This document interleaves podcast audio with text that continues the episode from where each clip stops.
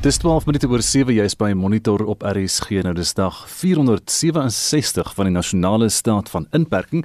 Die COVID-19 positiwiteitskoers in die land het tot 31,6% gestyg nadat 12513 nuwe gevalle in die jongste verslagperiode aangemeld is. Nog 331 mense is aan COVID-19 verwante komplikasies dood. Dit bring die totale dodetal op 62171 te staan. Nou daar is intussen bekend gemaak dat die enstowwe wat tans wêreldwyd en plaaslik gebruik word, baie effektief is om die Delta Plus variant van die COVID-19 virus dan te neutraliseer. Daar sal na verwagting binnekort 'n besending Johnson & Johnson enstof in die land aankom en die bestuurshoof van die Suid-Afrikaanse Mediese Navorsingsraad, professor Glenda Gray, sê alle studies toon dat die enstowwe effektief is. All the vaccines will do better against the Delta variant as compared to the Beta. The Beta is a virus to neutralize and the Delta is much easier to neutralize. So when we look at the vaccine, when we do in vitro experiments and we look at how the vaccine operates against the virus, we can see that it does much better as compared to the beta. So that's good news. And we also have seen that there is durability of the single jab up to about eight months, meaning that we don't need a booster just yet. And so that's good news for our vaccine. It's good news for the Pfizer. And it's good news for most vaccines because it means that this is going to be a much easier virus to neutralize. Gray sê daar is 'n wetenskaplike verduideliking vir die verwikkelinge. I don't know, I think it's just the way that evolved in, in India that this was a virus that was highly transmissible. I guess to be highly transmissible, there are features that the virus adapts or adopts, sorry. And I think that it's reassuring. Obviously, the worst part about this virus is its transmissibility. It's highly infectious, very infectious, and so a lot more people get infected with this virus. Kry sy egter dat medisy aanhoudend die effektiwiteit van die enstowwe sal toets soos wat die virus muteer en verander. So we have to keep on evaluating how the virus is evolving, keep on assessing in vitro experiments to see whether the vaccines we have are working against a new uh, variant that may arise. So for this time, the Delta, we're in a good position with the Delta. However, we don't know what's going to happen next. And so it's very important that we keep up to date with how the virus is evolving in our country. Sy verduidelik hoe die navorsing wêreldwyd werk. So we know that's a good proxy. So through many experiments done across the world and that um, we've seen that this correlates with efficacy. And so we, because these vaccines are, are being rolled out over time, we don't do we can't do randomized clinical control studies with a national rollout. And so you rely on the experiments that you do consistently over time that has correlated in the past to protection or to efficacy. And so you use these experiments to determine how the virus is being neutralized. Grace, hoe meer enstowwe beskikbaar is teen COVID, hoe beter. So the more vaccines we, we can use, the better. But it doesn't mean that we mustn't continue to evaluate this vaccine. So I haven't seen what Barbara has said, but there seems to be conditions on approval which means that the people who are submitting the vaccine to, the, to South Africa must comply with certain conditions or do certain experiments to ensure that what we're rolling out is working. And so I would guess that SAPA would ask for evaluation through our breakthrough infections, evidence that what the breakthrough infections are, and evidence in the field that this vaccine is working or is immunogenic in certain populations. En wat gebeur as daar iewers verwarring kom en jy ontvang twee verskillende enstowwe? Grace sê dit is eintlik die ideaal. It's beautiful if vaccines get mixed up because you see we see that a heterologous what we call a heterologous palm boost. So if you promise one vaccine and you boost with another, you get a better magnitude of immune response and better breadth. So the data looks very good, very immunogenic, very nice. So we like the idea of, of mixing and matching because we think it will broaden the immune response and will heighten the responses that people have.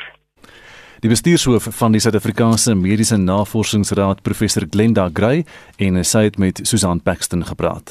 Ivermectin nou hou COVID-19 pasiënte nie uit die hospitaal uit nie. Dit is die bevinding van 'n studie wat pas deur die Argentynse wetenskaplikes Julio Vallejos, Rodrigo Zoni en Maria Guerre in die vaktydskrif BMC Infectious Diseases gepubliseer is. Die boodskap is eenvoudig: Ivermectin sal jou nie teen die koronavirus beskerm nie. Nou ons praat vanoggend hier hieroor met professor François Venter van Wits Universiteit se Ezincha Voortplantings en MIV Instituut wat die verslag gister van naderby bestudeer het. François, goeiemôre. Hi everybody. Wat is jou kommentaar op hierdie Argentynse studie oor ivermectin? So, you know, we're very interested in old drugs that we can use for new purposes. So ivermectin is an antiparasitic drug And we, what we like to do is take old drugs and then try and test them quickly because they're available. We know often we've got their toxicity and then try and use them for new things. And in this case, what they were looking at is can we use ivermectin to treat early COVID? We've got some therapies for people in hospital and people on ventilators, but we don't have therapies for people who are just feeling really sorry for themselves with a sore throat and a headache in the early stages. Um, and ivermectin um, was evaluated in the study. It was a good study um, where they looked at taking people with early COVID. So they they all had that nasal swab we all hate, hmm. and I think everybody's familiar with by now. And then they gave half of them a uh, ivermectin, and then the other half they gave a, a, a placebo tablet, a tablet that looked exactly the same. And the reason that is so important is that ivermectin has inflamed people like we've never seen before um, since chloroquine um, period early last year. There's the people who believe in ivermectin, there's, there's those who don't. And by doing that, they've removed all those biases from both the doctors and from the patients who want to, who want the drug to work or who don't want the drug to work. And essentially, what they showed is that there was no, absolutely no protection. The number of people ended up in hospital was exactly the same. The number of people who died was pretty much the same. The number of people who got into a ventilator was the same. So it's higher quality evidence that ivermectin, if used in the early stages of the disease, doesn't work. And the, the other reality is that if it, that antiviral effect that we were hoping to see is not doesn't uh, work with early disease, it's very unlikely to stop you getting COVID either. Fransjo daar is steeds baie Suid-Afrikaners wat hardnekkig weier om ingeënt te word teen COVID-19 denkend dat ivermectin wat hulle profylakties neem, hulle sal beskerm teen die virus. Wat is vanoggend jou boodskap aan hulle? So I, I I think all of us get the frustration, the fear, the you know the fact that everybody now as opposed to last year now knows somebody who's probably died of COVID. Um I think my message to everyone is you, I agree. You know, there's reason to be scared. Unfortunately, this stuff is just magic beauty, and unfortunately, it didn't. Uh, the, the the sort of um, petri dish stuff we do before looking at the virus uh, at the at the drug didn't work, and unfortunately, the drug hasn't worked. So look elsewhere. What you definitely mustn't do is say, I'm going to take ivermectin instead of the vaccine. The vaccines we know work, and we know they're very safe. Um, the one thing from the good thing from the study is that it looked like the drug was pretty safe, but it doesn't work. And you've got something else that works. Wait for more data before you rush out and waste money and your efforts on taking a drug that doesn't work. Frans, maar daar's mense wat vasglo in ivermectin en daar's vir hierdie mense se dokters wat vir hulle sê om hierdie ivermectin te drink. Uh hoekom glo hulle daaraan? Is dit is dit is dit iets is dit soos 'n placebo effek? Wat is dit wat dit doen? It's uh, no, it doesn't even have a placebo effect. Um, there are, it's almost a religion among certain doctors um, and certain medical people, and that's been commuted across the patients. And again, it's the same thing. You know, when you're looking at a patient and they you have nothing to offer them, which is at the case, you know, when you have early COVID, you give them Panado and a kiss on both cheeks and send them on their way. Um, you know, it's really not. Uh, um, it, it, it's inexplicable to me why there's so much excitement about this drug the, it's also bizarre because there are other drugs um, that are also old drugs, also old parasitic drugs, which have got better, you know, sort of petri dish um, potential, which are being evaluated at the moment. Have, uh, you know, people just aren't, the doctors aren't excited about, and that is inexplicable to me. François, soos wat Gustaf nou reg gesê het, helaas is daar algemene praktisyns wat Ivermectin voorskryf en selfs aanbeveel. Daar's medisy wat aanbeveel dat Suid-Afrikaners nie ingeënt moet word nie. Hoe bestuur mense hierdie twee verskillende skole van denke? Wat moet die publiek nou dink as die dokter vir jou sê nee man, moenie ingeënt word nie? No, I'm afraid my colleagues have a lot to answer for, you know, and a lot of trust is invested in the medical profession, particularly in doctors. And to my mind, it's gross negligence to advocate for ivermectin, particularly in the, to say to somebody, take ivermectin, don't take a vaccine. You know, I understand the frustration, but that doesn't excuse what is, at the moment, putting, making people take stuff that doesn't work. François baie dankie professor François Venteris van die Wits Universiteit se Ezincha Voortplantings en MIV Instituut. Ons bly by die COVID-19 pandemie. Aanvanklik het mediese gewaarsku dat Suid-Afrikaners met komorbiditeite so gou as moontlik ingeënt moet word omdat hulle toestand hulle veral weerloos maak. Nou helaas blyk dit toenemend asof daar mense sonder komorbiditeite is wat sterf van die virus. En ons praat veraloggend hieroor met professor Bertram Fielding, hoofwetenskaplike by die Universiteit van die Wes-Kaap se Virologie Navorsingsentrum. Goeiemôre. Goeiemôre net, goeiemôre Gustaf. Net kortliks, het nou geluister na jou kollega professor Frans van Venter van Wits se onderhoud. Enige kommentaar oor die Ivermectin? So Frans was 100% korrek as jy kyk na die spesifieke studie waarna hy waarna hy verwys. Maar onthou, hy het 'n baie belangrike um, punt gemaak. Hy sê vir profylaktiese of vroeë gebruik. So vir elke 4 of 5 studies wat sê ehm um, ivermectin is nie effektief nie. Ehm um, as daar 4 of 5 wat sê dit is baie effektief ehm um, vir ernstige COVID veral dis wat in die hospitaal is. So ons moet baie versigtig wees as ons kyk na hierdie studies. Ehm um, kyk ons na COVID, vroeë COVID, laat COVID, uh, laat COVID, ernstige COVID, watter populasiegroep. So daar is baie faktore wat wetenskaplikes na kyk. En definitief Anita, jy weet van ons vorige gesprek, ek het altyd gesê moet nie ivermectin profylakties gebruik nie. Mm. Dit is regtig iets wat moet gebruik word vir ernstige gevalle wanneer jy in die hospitaal is en om die sterfte sy verlaag te hou. Baie baie goeie um, joernale met baie baie goeie data wat wys dat in in baie lande effektief in daardie gevalle is. Mm. Kom ons gaan 'n bietjie na die sterftes waarvan jy nou so praat. Watter mediese redes sou daar wees vir sterftes onder mense wat geen komorbiditeite het nie? Hoekom sou hulle sterf? En weet jy wat is die belangrikste vraag wat ons moet vra? Hoe weet ons hierdie mense het geen komorbiditeite nie?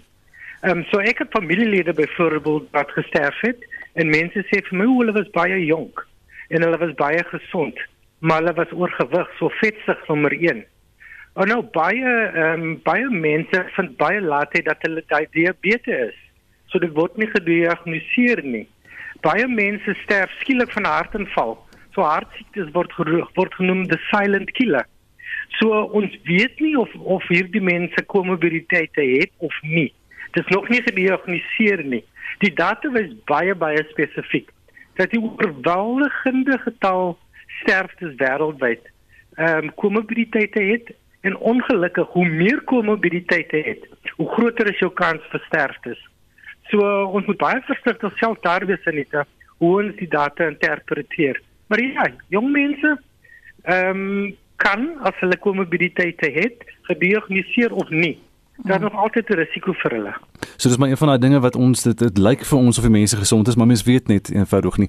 Is daar tog ehm um, wel mense wat sekere mense wat dan geneties meer weerstand kan bied teen hierdie koronavirus en sy variante? Gustav, dit lyk so. Ehm um, nou een van die van die vrae wat gevra was, hoekom is die sterftesyfers in Afrika so laag?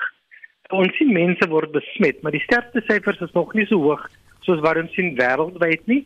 So is daar iets geneties. Ons weet nou dat sekere bloedgroepe ehm uh, meer weerstandig is. So definitief ehm um, genetiese rolle kan ehm um, kan belangrik wees, maar weer eens dis iets wat ehm um, regtig oor die langtermyn ehm um, bepaal moet word en bevestig moet word. Kan jy kan jy vinnig onthou watter bloedgroepe bied meer weerstand? So ek weet o o was was was was uh, weerstandig. En dan een van die hoë risiko was die A bloedgroep. Hmm. En en weer eens, dis nie ehm um, vir almal nie. En dit jy weet, dis altyd wat ons vergeet in hierdie tipe gevalle. Wat vir een mens werk, werk nie vir 'n ander nie. Wat vir een mens hou, hou nie vir 'n ander nie. En dis die dis die natuur van hierdie tipe infeksies.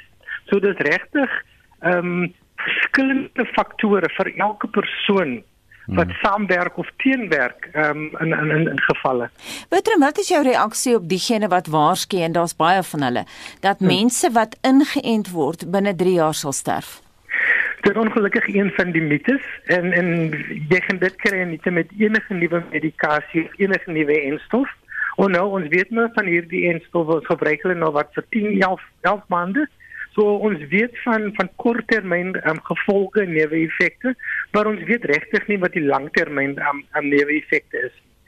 As jy kyk na die tipe wetenskap agter en die data agter hoe hierdie enstowwe geproduseer is en beplan is, dan behoort daar nie ernstige neeweffekte langtermyn te wees nie.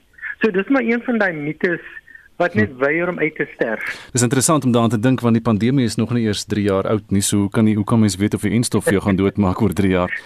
en dis en, en, en dis 'n goeie punt Gustaf. En dis hoekom jy sien um, net oor die naweek was daar 'n um, 'n artikel wat praat van ons weet nou mense met nat natuurlike COVID infeksies gehad het.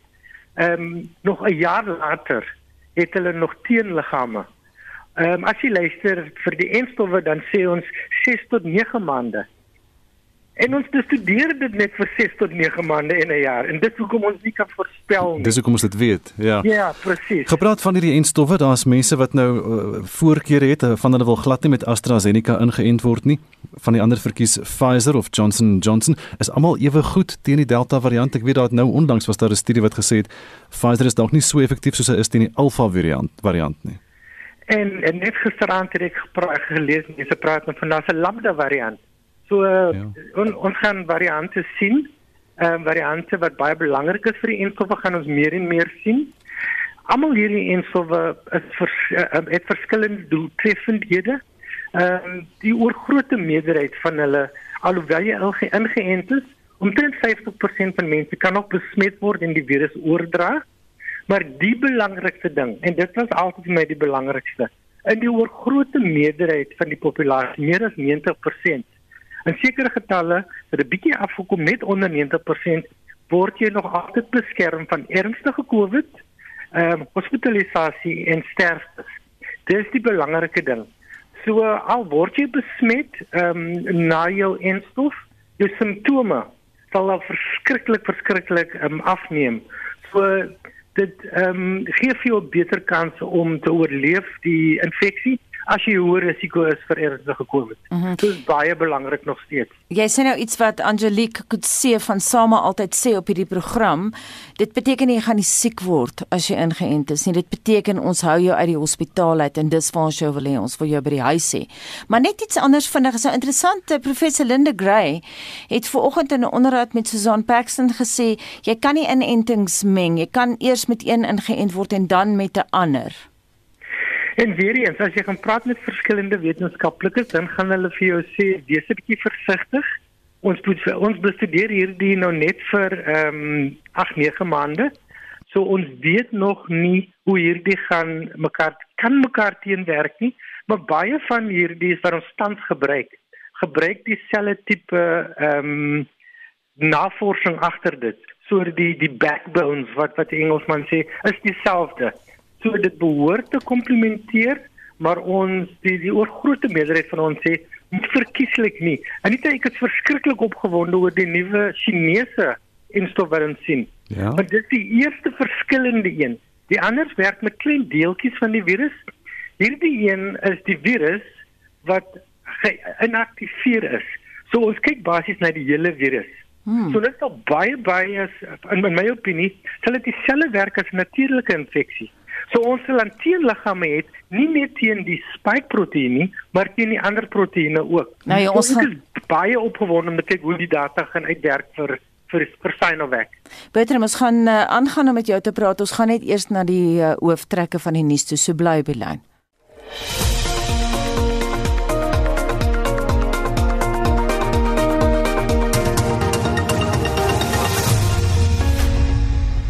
Terug na professor Bertram Fielding toe as hoofwetenskaplike by die Universiteit van die Wes-Kaap se Virologie Navorsingsentrum. Bertram, jy klink nou so opgewonde. Vertel ons 'n klein bietjie meer van hierdie Chinese inenting. Wat word hy genoem en gaan ons om een of ander tyd ooit hier kry? So ek sien hoe die naweek, ek sapper dit goed gekeer. So ek weet nie wanneer sal dit in Suid-Afrika wees nie. Ehm um, en dit is basies die virus wat wat ons wat wat die Chinese dan neem en hulle inaktiveer hom um, op verskillende maniere in die laboratorium. Ehm um, so jy sien basies die hele virus wat jou nie kan siek maak nie, maar dit stimuleer die die ehm um, immuunstelsel. amper soos 'n natuurlike infeksie ook. So jy sal op die einde sal jy verskillende teenliggame opbou en vir my is ek baie opgewonde. Een van die een van die negatiefs ons noem dit inactivated vaccines, so dit um, nie dis ongeaktiveerd. Een van die neeweffekte in baie baie klein getalle en gevalle. Hy kan weer ehm um, onaktiveer of hy kan weer geaktiveer word.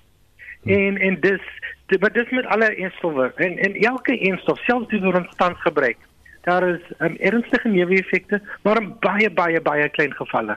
Dis interessant jy's nou so opgewonde daaroor. Ek weet baie mense is baie keer versigtig. Hulle is bang vir die idee dat hulle met met die virus self ingespuit word, maar jy sê dit is dis glad nie 'n slegte ding nie. Dit glad nie 'n slegte ding nie. Ons sien dit vir ander vir ander enstowwe um, ook. Ek was baie verbaas dat dit nie die die manier was hoe ons die eerste enstowwe gemaak het nie.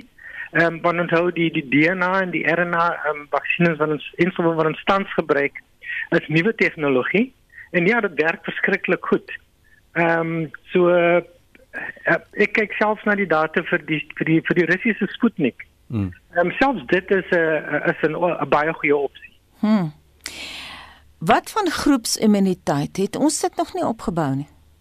En dit weet jy ehm um, en ek lag want elke keer as iemand my vra dan lyk dit amper die die antwoord gaan verskillend wees. Hmm. Want ehm um, wêreldwyd begin ons nou saamstem dat ons heel waarskynlik nie kudde immuniteit gaan opbou nie. Ehm um, ons het variante, nie almal gaan die enstof neem nie, maar weet jy net as jy nou kyk na na die sokker wat ons op televisie sien, hoe mense in groot groepe bymekaar kom en hulle het almal maskers. En heel waarskynlik is dit ja, bietjie van kudde immuniteit, maar dit is meer 'n geval van baie mense is ingeënt, veral hoë risiko mense. So mense kan nog steeds siek word, maar die sterfte getalle gaan afneem. Dit klink vir my baie baie dieselfde soos wat ons gedoen het met met die griepvirusse. So ons sien dieselfde tipe ehm um, storie homself uitspeel nou op die oomblik. Maar weer eens soos met hierdie virus is daar verskillende skole van denke. Ek onthou hmm. Reg aan die begin verlede jaar. Ek dink ons het nog met jou ook daaroor gepraat. Ek praat hier van Maart, April, Mei maand. Vroeg aan die begin van die virus toe sê die Karolinska Instituut in Swede wat baie hoog gerespekteerd is soos wat jy self weet. Die hmm. Swede en die Nederlanders het gesê hulle glo absoluut in kudde immuniteit. En sedertdien ehm um, dink hulle nou anders vir al die swede. En, en dis die probleem wanneer die virus muteer. Ehm um, en die mutasies is regtig vir die virus se manier om om aan te pas tot die gasheer. En ons is die gasheere. So elke keer as hierdie variante verskyn, dan het die virus 'n manier gevind om beter te repliseer, repliseer in ons. Wat doen ons immuunstelsel? Ons pas dan aan. Dan pas die virus aan. So elke keer as die virus verander, verander die virus se reproduksienommer. En dit is hoeveel mense jy kan as ek besmet is, hoeveel kan ek besmet? In die Weskaap praat ons op die oomblik van 'n reproduksienommer van hierdie virus van 1.25. Dit bedoel dat 4 mense kan of 5 mense aansteek. Hmm. So daar was daar was 'n stadium laas jaar vir die reproduksienommer van hierdie virus onder 0.5 was. So dit verander realiteit soos ons aanpas virus teen ons en ons teen die virus en dis hoekom kudde immuniteit amper ehm um, 'n teken is wat beweeg al die tyd. Bertram, mis nou vir 'n interessante vraag en ek hoop jy dalk vir ons 'n antwoord hiervoor. Mense wat aan outoimmuunsiektes ly en immuunonderdrukkende medikasie gebruik, kan net sekere soorte enstowwe ontvang. Hulle sê daardie leiers kan nie enstowwe ontvang wat enige wat hulle noem live cultures het nie. Hoe moet hierdie mense maak? En dis 'n baie belangrike punt. Nou daar selfs mense wat sekere enstowwe nie kan kry um, om omdat dit in in um, hoendereiers gemaak word nie. Die hmm. griep um, enstowwe. So jy moet met jou met jou mediese dokter praat om uit te vind of jy enige interaksies het met medikasie wat jy gebruik selfs jou ehm um, jou uh, gesondstoestand. Maar Gustav, jy jy, jy raak nou baie interessante punt. Net die naweek het iemand my gesê, maar hulle het ehm, 'n um, immuunstelsel probleem. Mm. Hulle gaan nie die enstof neem nie. En die om eerlik te wees, ons verstaan nog nie in alle gevalle hoekom sekere mense met swak immuniteit nie ernstige COVID kry nie. Ons sien nie hoër getalle in mense met HIV vigs nie. Hoekom? So is dit die virus wat wat HIV vigs wat wat die COVID virus teenwerk? Is dit nie medikasie wat hulle gebruik?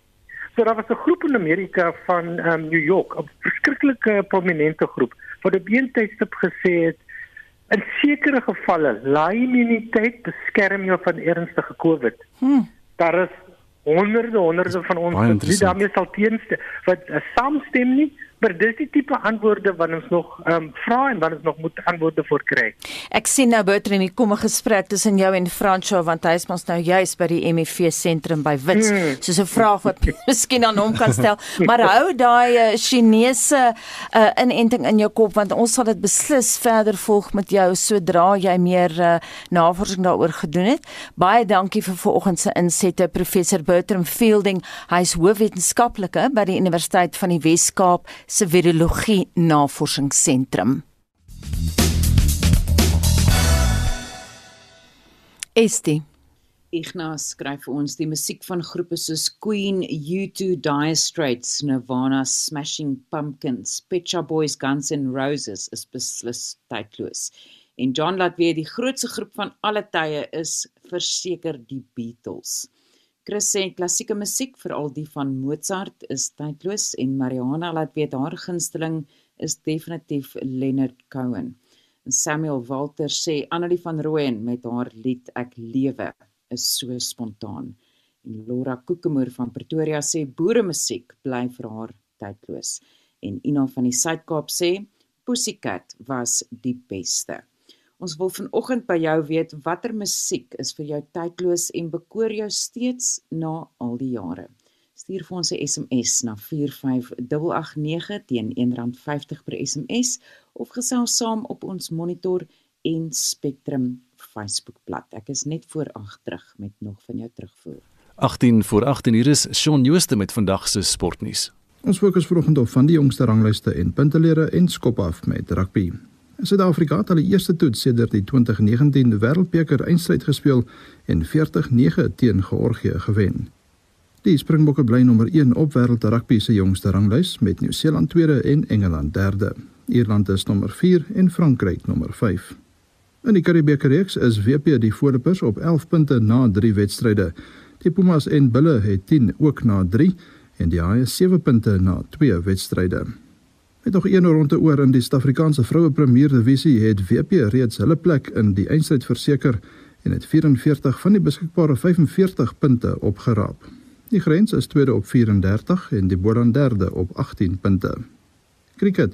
Suid-Afrika het 'n suksesvolle toer na die Wes-Indiese eilande voltooi en seëges in beide die toets en T20 reeks behaal. Suid-Afrika is 6ste op die T20 ranglys met Engeland, Indië en Nieu-Seeland eerste, tweede en derde. Engeland het hulle eendag reeks teen Sri Lanka met 2-0 ingepalem met die derde wedstryd wat uitgereën het. Nieu-Seeland is die wêreld se voorste eendagspan met die Aussies tweede en Engeland derde.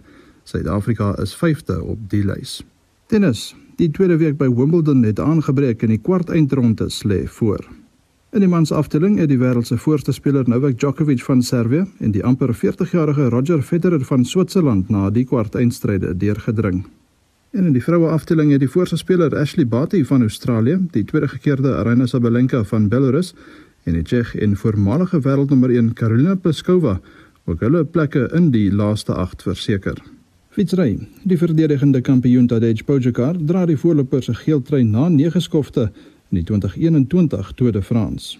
Die Aussie Ben O'Connor is net so oor die 2 minute agter hom met Rigoberto Urán van Kolumbie meer as 5 minute terug in die derde plek. Suid-Afrika se Louis Mentjes is 19de. Motorsport. Die Red Bull renjaer Max Verstappen van Nederland het sy voorsprong op die Formule 1 punteleer na 32 punte gereg. Hy staan op 182 teenoor die Brit Lewis Hamilton se 150. Verstappen se spanmaat Sergio Perez van Mexico is derde op 104 punte. Op die vervaardigerspunteleer het Red Bull nou 286, Mercedes 242 en McLaren 141 punte. Op die MotoGP punteleer staan die Fransman Fabio Quartararo op 156, sy landsgenoot Joan Zarco op 122 en die Italianer Francesco Bagnaia op 109 punte. Suid-Afrika se Brad Binder is 9de op 60 punte en sy broer Darren is 6de in die Moto3 afdeling op 69 punte. In die golfwêreld is daar geen verandering onder die top 3 manspelers nie. Hulle is die Spanjaard Gon Ram en die twee Amerikaners Dustin Johnson en Justin Thomas. Suid-Afrika se top 3, Louis Oosthuizen, Gary Kigo en Christian Besaidnout, is ook steeds 13de, 39ste en 47ste. En laastens herinner ons graag dat die halfeindstryde by die Europese Kampioenskappe vanaand begin. Italië meet teen Spanje en Engeland môre aand teen Denemarke kragte. In vanoggend se halfeindstryd by die Copa America toernooi het Brasilië 1-0 teen Peru geseëvier.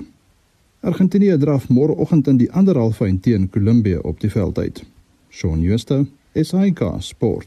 Ja, hulle is in 'n monitor te skwart voor 8 en ons wêreldnuus segment begin vanoggend in Nigerië waar nog tientalle skoolkinders ontvoer is en Heinrich het vir ons die agtergrond daar.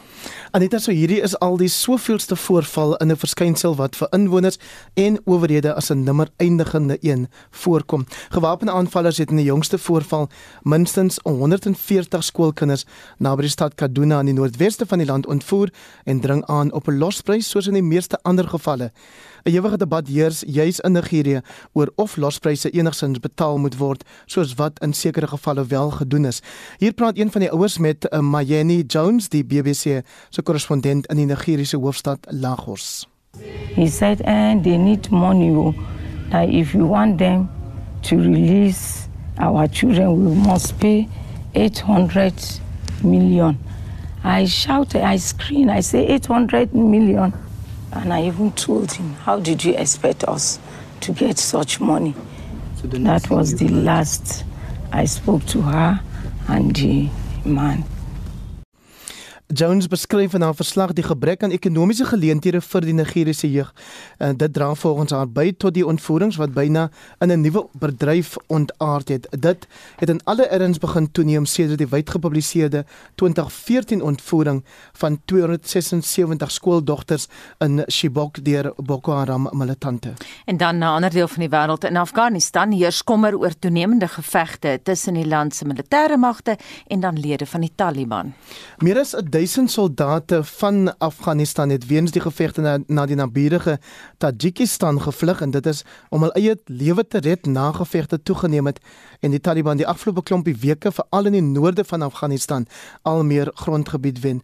Die geweld volg nadat Amerika, Brittanje en ander alliansie-vennote besluit het om na 20 jaar se betrokkeheid uit die land te onttrek. Die sperdatum hiervoor is eers September, maar die onttrekkings het reeds begin en nou beheer die Taliban reeds sowat 'n derde van Afghanistan.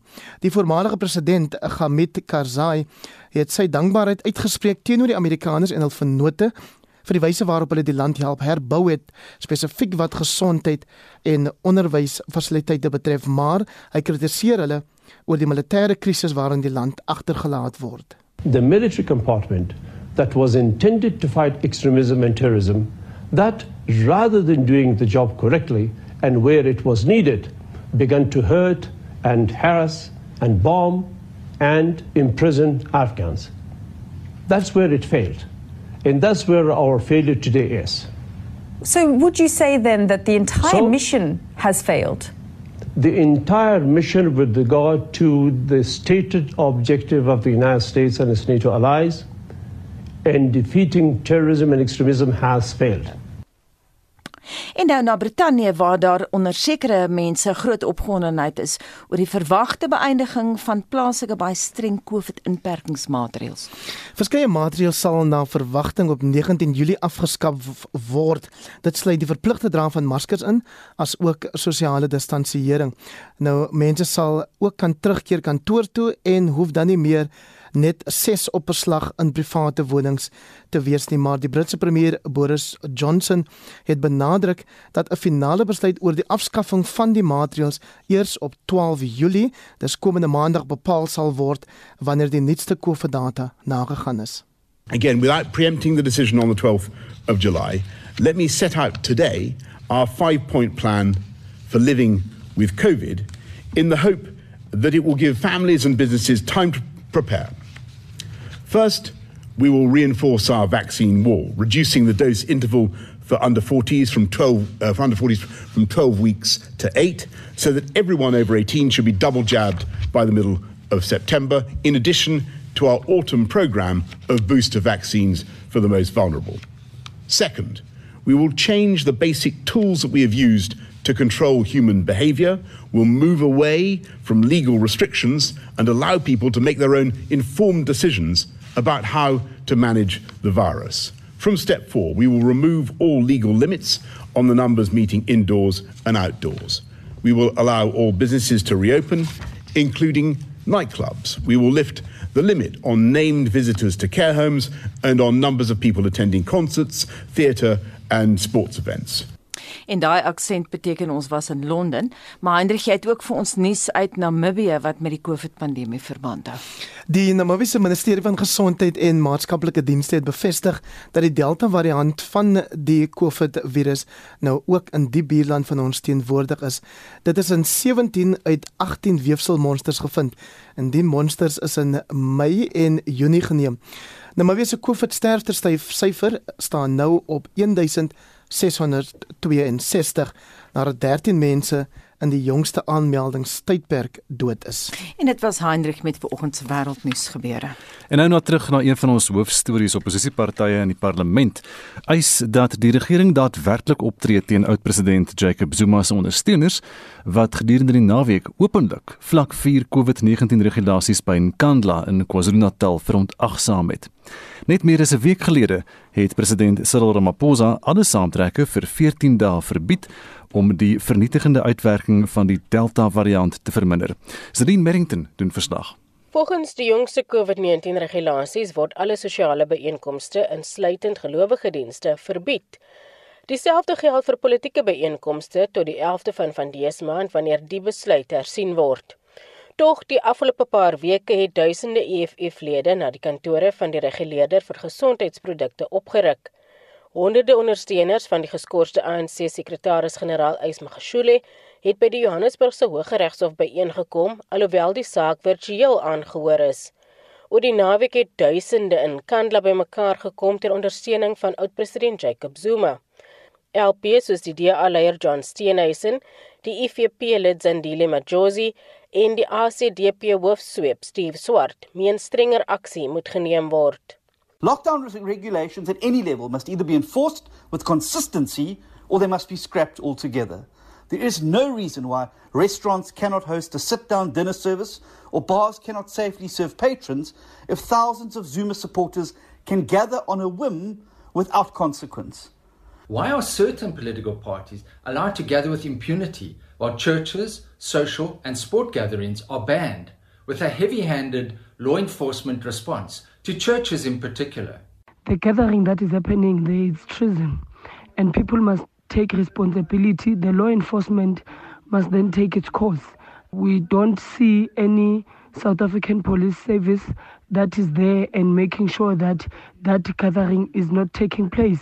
And now they are setting a precedent that within certain gatherings people must gather. Die leier van die Vryheidsfront Plus, Pieter Groenewald, sê dit wys ook die polisie is nie opgewasse om die situasie te hanteer nie.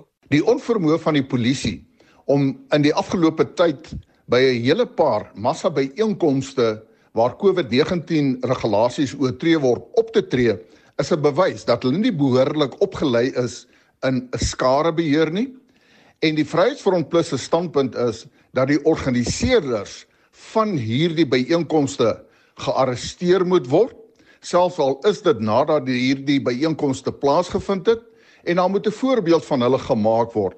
Hierdie onvermoë van die polisie ondermyn die strafregstelsel in Suid-Afrika en skep ook 'n verdere gevaar van 'n verdere verspreiding van die virus. Diegene wat skuldig bevind word aan die oortreding van die regulasies kan 'n boete of tronkstraf van tot 6 maande of albei opgelê word. Zelin Merrington, Parlement. Estie Piet wat sê hy's 80 jaar oud laat weet Abba sal altyd sy gunsteling bly. En Christel van Prins Albert sê ek luister graag na klassieke musiek maar hou ook baie van ligte jazz en blues en sy sê sy luister ook graag na Eva Cassidy en Katie Melua. Pieter van Rooyen sê musiek vir die langpad is beslis Dire Straits vir al walk of life. Flippy verwy van Rietfontein sê Roxette, Christa Burke, Roy Orbison, Roger Whittaker, Cat Stevens en Jennifer Rush. En 'n luisteraar uh, laat weet Abba, Lorika Raug, Elvis, Chris Christofferson, Mozart, Neil Diamond, Jim Reeves en Rocco de Villiers. En Anna van Witpoortjie laat weet my gunsteling musiek is Fanie De Jager, Matthys Roots, Janie De Tooy en enige Christelike musiek. En Philippa Huys Render laat weet Andrei Rio se klassieke uitvoerings aan Andrea Bocelli en plaaslik die nimmerlike Steve Hofmeyer. Julie van Bloemfontein sê die 80 se musiek was alles wonderlik en dan natuurlik Richard Clayderman se klaviermusiek was altyd 'n treffer. En Giovanni Campos skryf sy gunstelinge is die Beatles, die Rolling Stones, Dire Straits, U2 en hy het 'n hele lang rits gunstelinge nog wat hy noem. Baie dankie vir jou terugvoer vanoggend. Heinrich, wat is alles op die dagboek vir Spectrum om 12? So Gustav, die ANC se adjunksekretaris-generaal Jesse Duarte gee terugvoering aan die media oor die ANC se nasionale uitvoerende komitee se spesiale vergadering. Oud-president Jacob Zuma gaan in die Pietermaritzburg se Hooggeregshof vra dat sy verwagte inhegtenisname teruggehou word. En dan gaan die spesiale ondersoekeenheid 'n voorlegging doen aan die staande komitee oor openbare rekenings by die parlement, dit nou oor die departement van gesondheid se Digital Vibes kontrak wat veroorsaak het dat die minister van gesondheid Willem Keze nou met spesiale verlof is. En dan gaan ons ook 'n bydrae het oor die ontslape dominee digter Patrick James Peterson wat vandag 70 jaar oud sou geword het. En daarmee groet die Monitor redaksiespan namens ons waarnemende uitvoerende regisseur Hendrik Martin, die man in die warm stoel vanoggend Wessel Pretorius, die tegniese regisseur Daitran Godfrey, my naam is Anita Visser. Monitor is môreoggend om 6uur terug. Ek is Gustaf Vreiling en Helena is nou reg met die 8uur nuus.